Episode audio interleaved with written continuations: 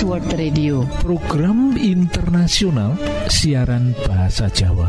Derek ing wektu sing apik iki bakal maparake tiga program yoiku siji ruang motivasi lan rumah tangga. Loro ruang kesehatan. Lan telu ruang firman Allah. Kita pracojok program iki bakal jadi manfaat jadi berkah kagem kita kabeh.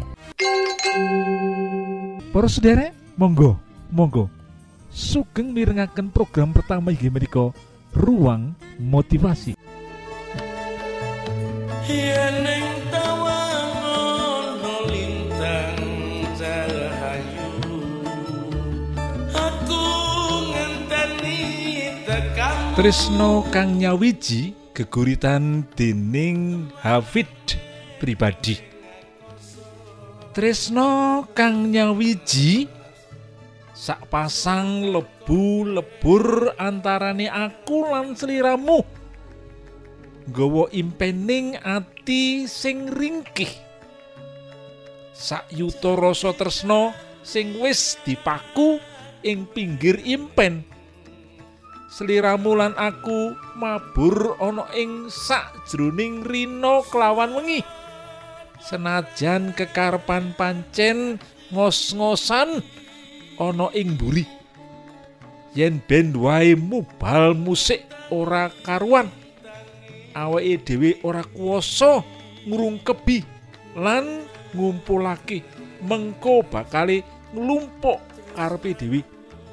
Nyawiji dadi sakumpulan cahya sing sumunar dadi obori laku trumrap sliramu lan awakku dening Hafifah pribadi. Geguritan Trisno kang nyawiji nggambarake cinta suami istri cinta orang muda yang dipersatukan ing pernikahan kang suci kang kudus. Dekake cinta iku nyawiji dadi siji. Senadyan to dalam penyesuaian khususnya sing ditulisake dening Hafid pribadi senajan kekarepan pancen ngos-ngosan ana ing buri dalam penyesuaian kita saling menyesuaikan perlu kerja keras. Digambarake kaya kerja ngos-ngosan kerja keras. Hasil akhir amarga kita saling mengalah saling menyesuaikan saling menguatkan. Cinta Trisno ikut bisa menjadi nyawiji digambarke ana ing sair ana ing geguritan iki. Nyawiji dadi sakumpulan cahyo menjadi satu cahaya yang sumunar yang bersinar dadi obori laku.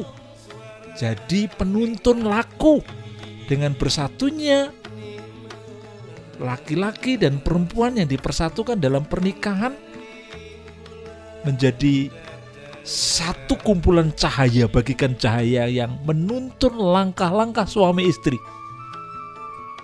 mengikuti langkah-langkah yang sesuai dengan rencana Tuhan yang indah di pemandangan Tuhan luar biasa. Megio panjenengan dados pasangan suami istri yang nyawiji. Yang belum nyawiji harus bekerja keras untuk bersatu. Nyawiji menjadi pasangan yang indah di pemandangan Tuhan.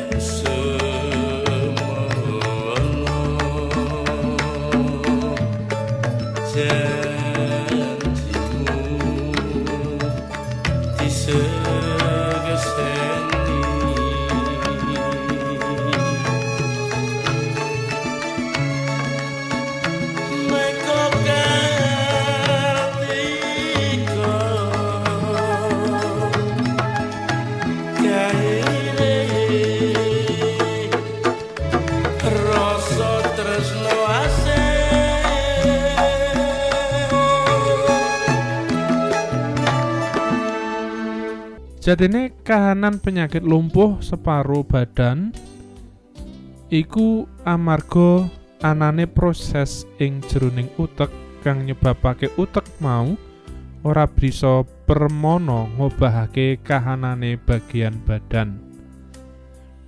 Perlu kawuningan menawa sakabeh gerak obahe bagian badan kuwi dikendhalekake saka otak. Ya kuwi kang mujudake pusat susunan saraf. Ing bagian pusat mau ana rong bagian utama ya kuwi pusat motorik lan pusat sensorik. Pusat motorik kuwi kang menehi utawa nampa informasi saka pangrasa saka sakabehe bagian badan. Dene pusat motorik kuwi pusat ing utek kang kajibah ngupakara bab gerake bagian badan.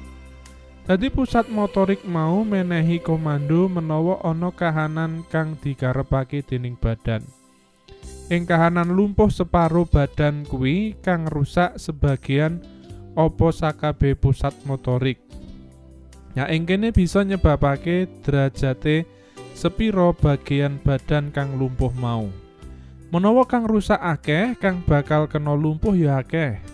Ing kahanan lumpuh separo amarga tekanan darah tinggi mau, ana bagian kang rusak ana ing pusat motorik. Nah kena apa ana kerusakan? Kuwi ora liya amarga saka akibate tekanan darah tinggi. Utawa saka akibate anane pembuluh getih ing otak kang rusak, pecah utawa bocor. Kahanan iki bisa amarga anane pengaruh tekanan kang tambah dhuwur. Lan ana bagian pembuluh getih kang ringkih mungguhe bagian otak. Ing bagian motorik kang banjur nyebabake rusake jaringan utek. Menawa ana getih mrembes matu, getih mau bakal mbleber sakitere jaringan utek lan iki kang nyebabake jaringan utek rusak.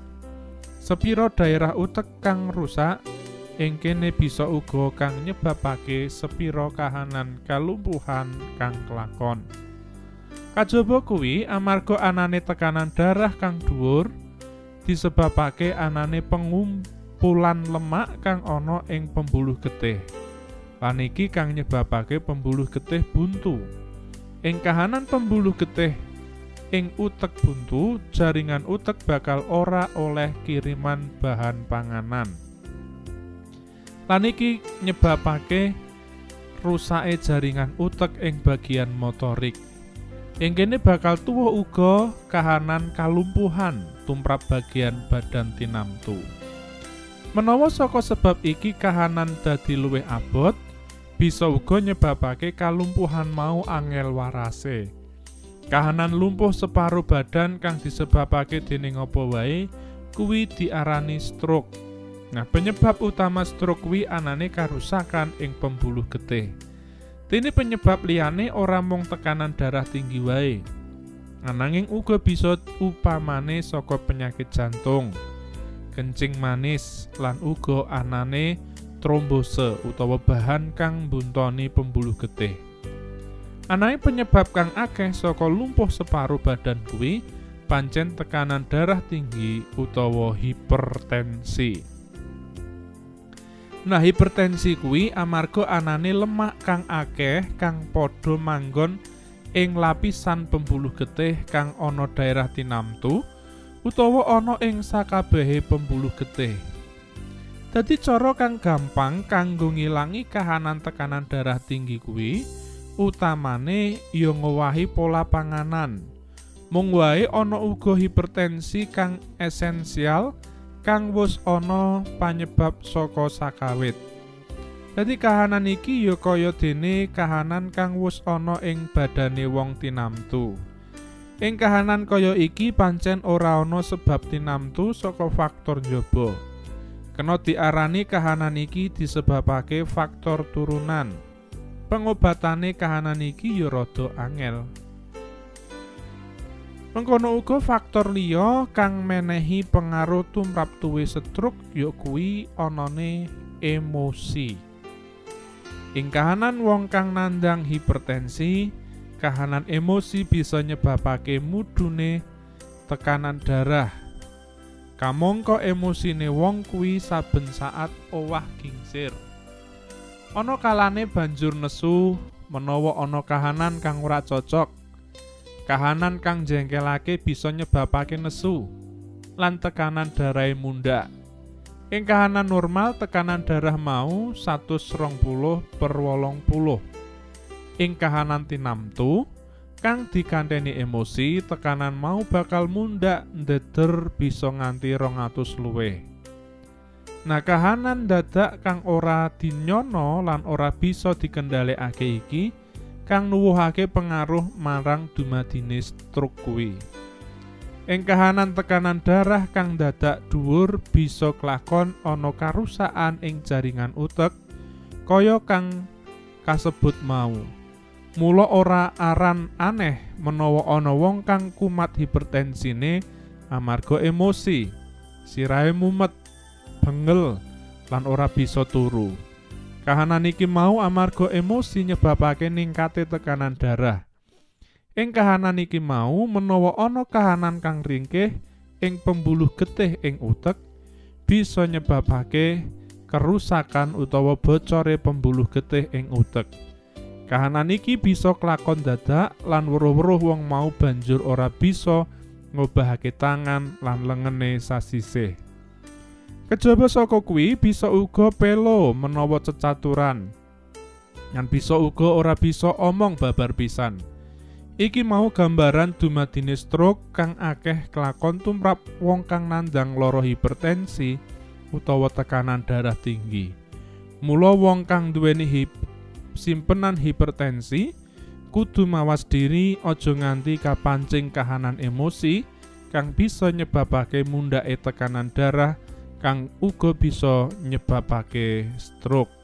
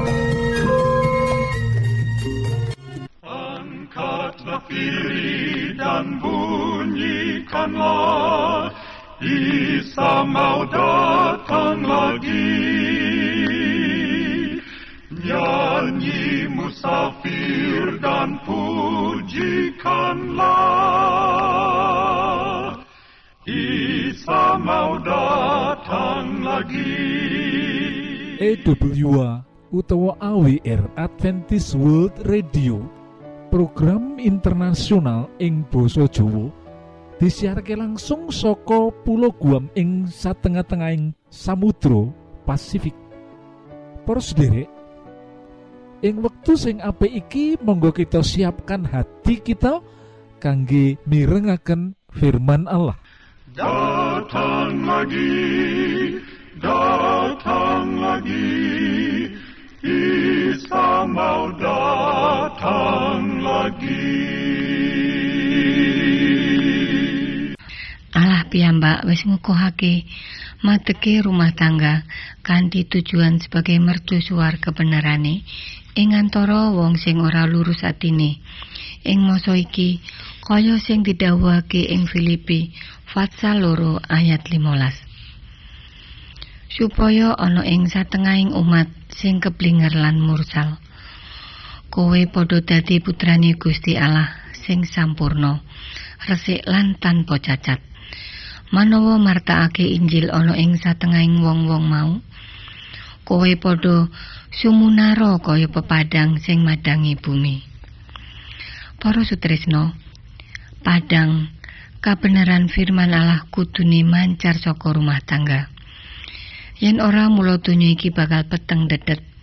Kacau balo. Lan bakal luwih ala saka kahanan kosong kaya sing difirmanake ing buku Purwaning Dumadi. Fatsal siji ayat loro.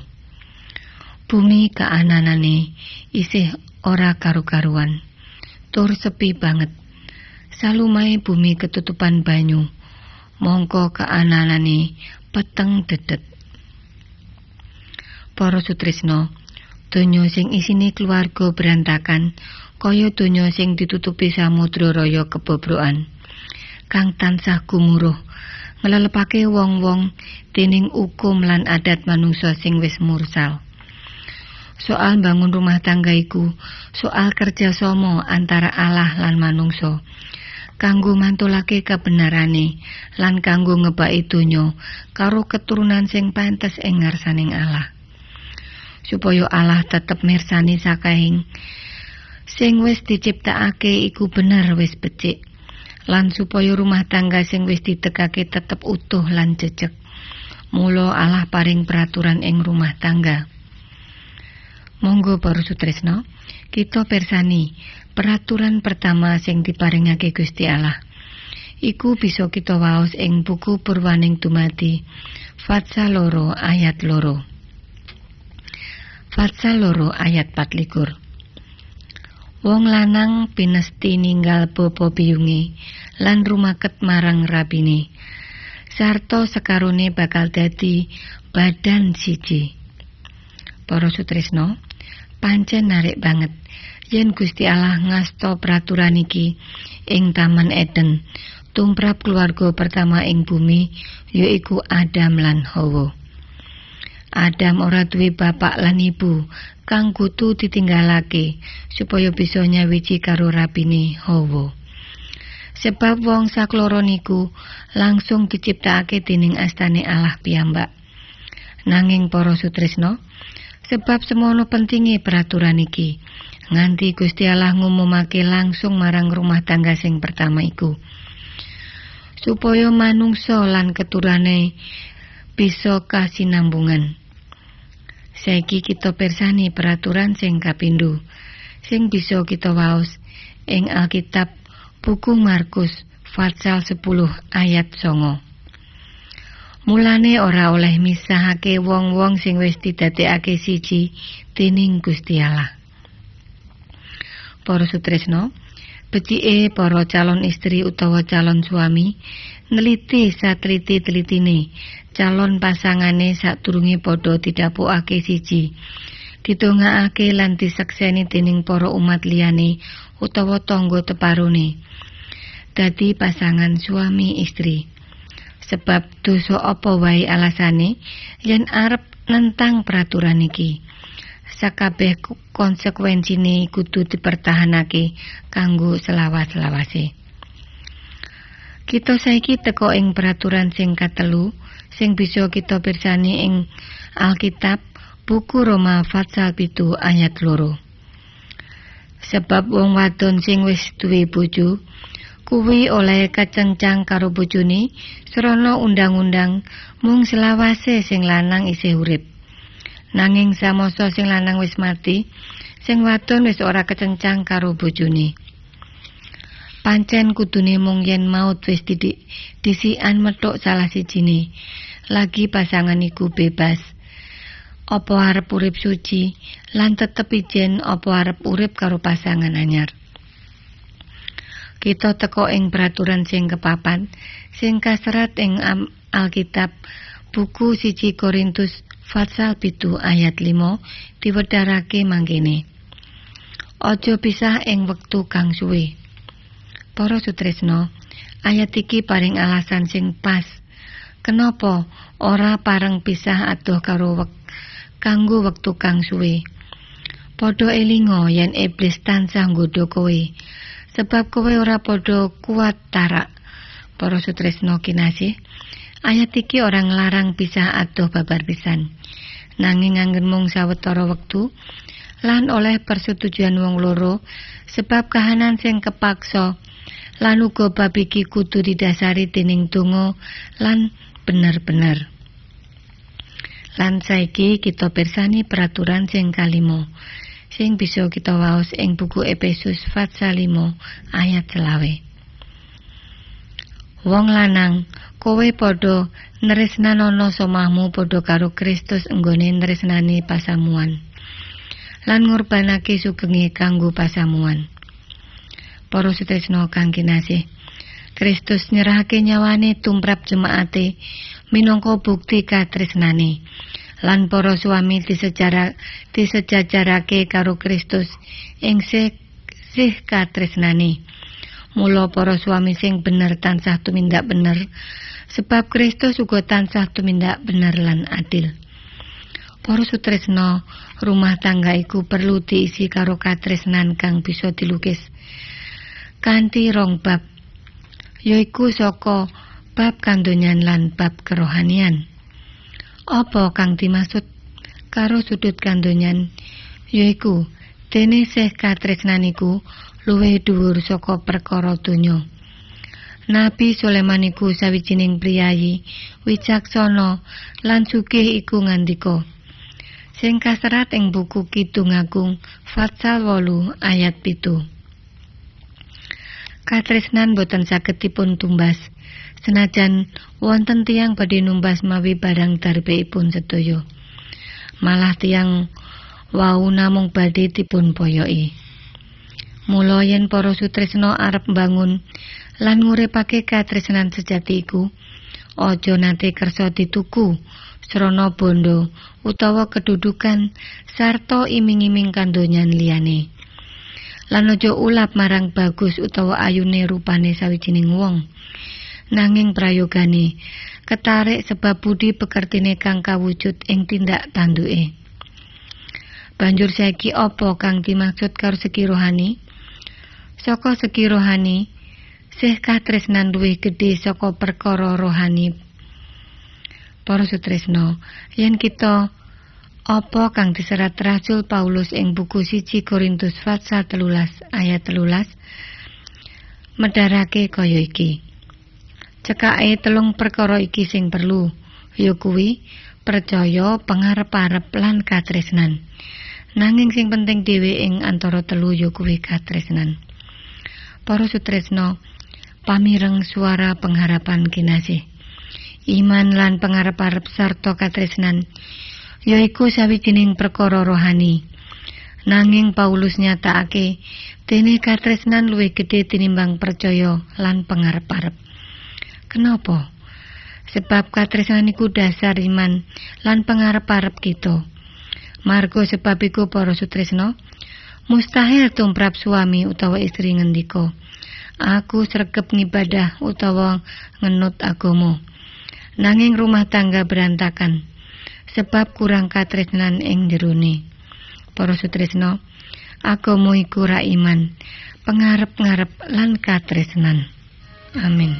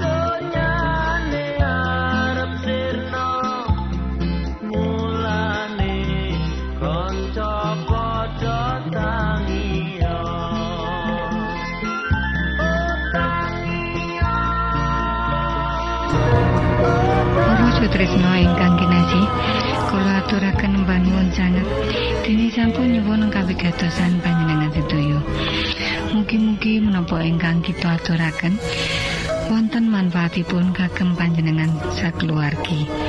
Lan Gusti Allah tansah paring ayo mugi kasugengan kagem